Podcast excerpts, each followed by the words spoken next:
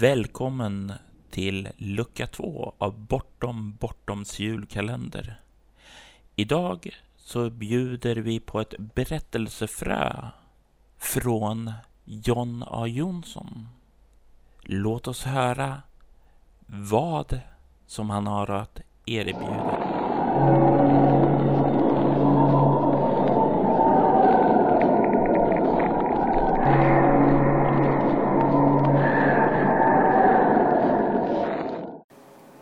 Hej och välkommen till en ny lucka i Bortom Bortoms julkalender 2012.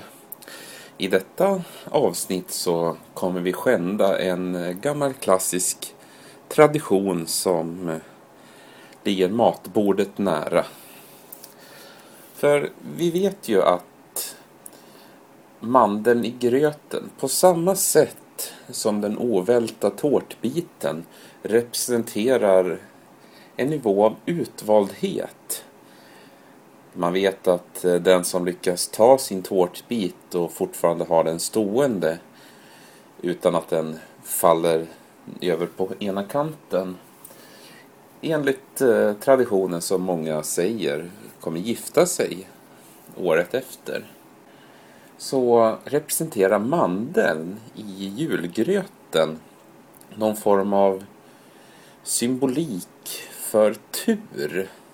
Den som får mandeln i gröten är utvald att spendera en tid med att ha tur och uppleva någonting tursamt, kanske träffa någon att bli kär i till exempel.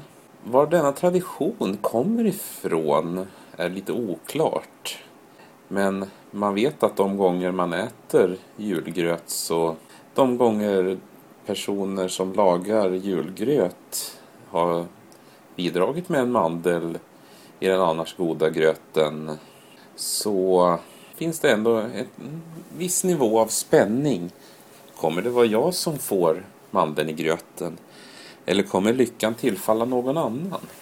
Jag vill här presentera ett litet berättelsefrö. Fröet är likt ett frö placerad i jorden för att ge inspiration, för att ge er en grund att bygga en egen berättelse på. Därav är många detaljer oklara, lite sådär suddiga som om man tittar genom smutsigt glas. Använd dessa generella riktlinjer, dessa scener och beskrivningar för att bygga din egen julsaga.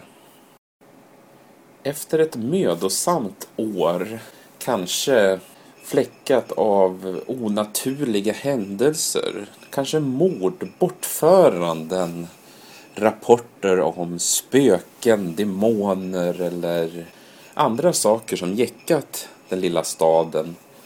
Så närmar sig den lyckligaste tiden på året. Tiden på året när familjer samlas, när vänner är nära och de som är en kära är den ännu närmare. Den här staden har genomlidit någonting. Det har varit tungt, staden är orolig och men på något sätt så har julstämningen sakta krypit in över staden. Dekorationer sätts upp, ljus är tända i varje fönster. Och borgmästaren har bestämt att bjuda in alla och en var i det lilla samhället till rådshuset för att bjuda på en julmiddag. Alla, både högt och lågt, är samlade för att njuta av en enkel men trevlig julmiddag. Karaktärerna med sina tunga minnen av vad som kan ha hänt det senaste året Kanske har de förlorat några som står dem nära. Kanske har de genomlidit fruktansvärda ritualer. Kanske har de jagat efter bråddjupa hemligheter. Vem vet, vem vet? Även dessa karaktärer är samlade här på julmiddagen. Runt hela julmiddagen osar oron. Det har varit ett händelserikt och mörkt år är man säker efter rapporterna och kanske tidningsartiklarna och framförallt ryktena som har spridits i den lilla staden. Är man säker så att man kan sätta sig ner, lugn och ro och avnjuta av en skål med gröt? Borgmästaren är orolig och torkar svetten från sin panna. Han hoppas att denna tillställning kommer bli en succé, att alla kan komma hit i lugn och ro, äta sin gröt och vandra hem. Han skulle inte klara av ytterligare en tragedi, ytterligare något oförklarligt. Han skulle inte klara av något mörkare en gång till. Karaktärerna sätter sig till bords med så många andra. Julgröten delas sakta ut. Man hör tisslandet och tasslandet av barnfamiljer och äldre par som diskuterar den senaste tidens händelser och berömmer borgmästaren för det goda initiativet att anordna denna middag.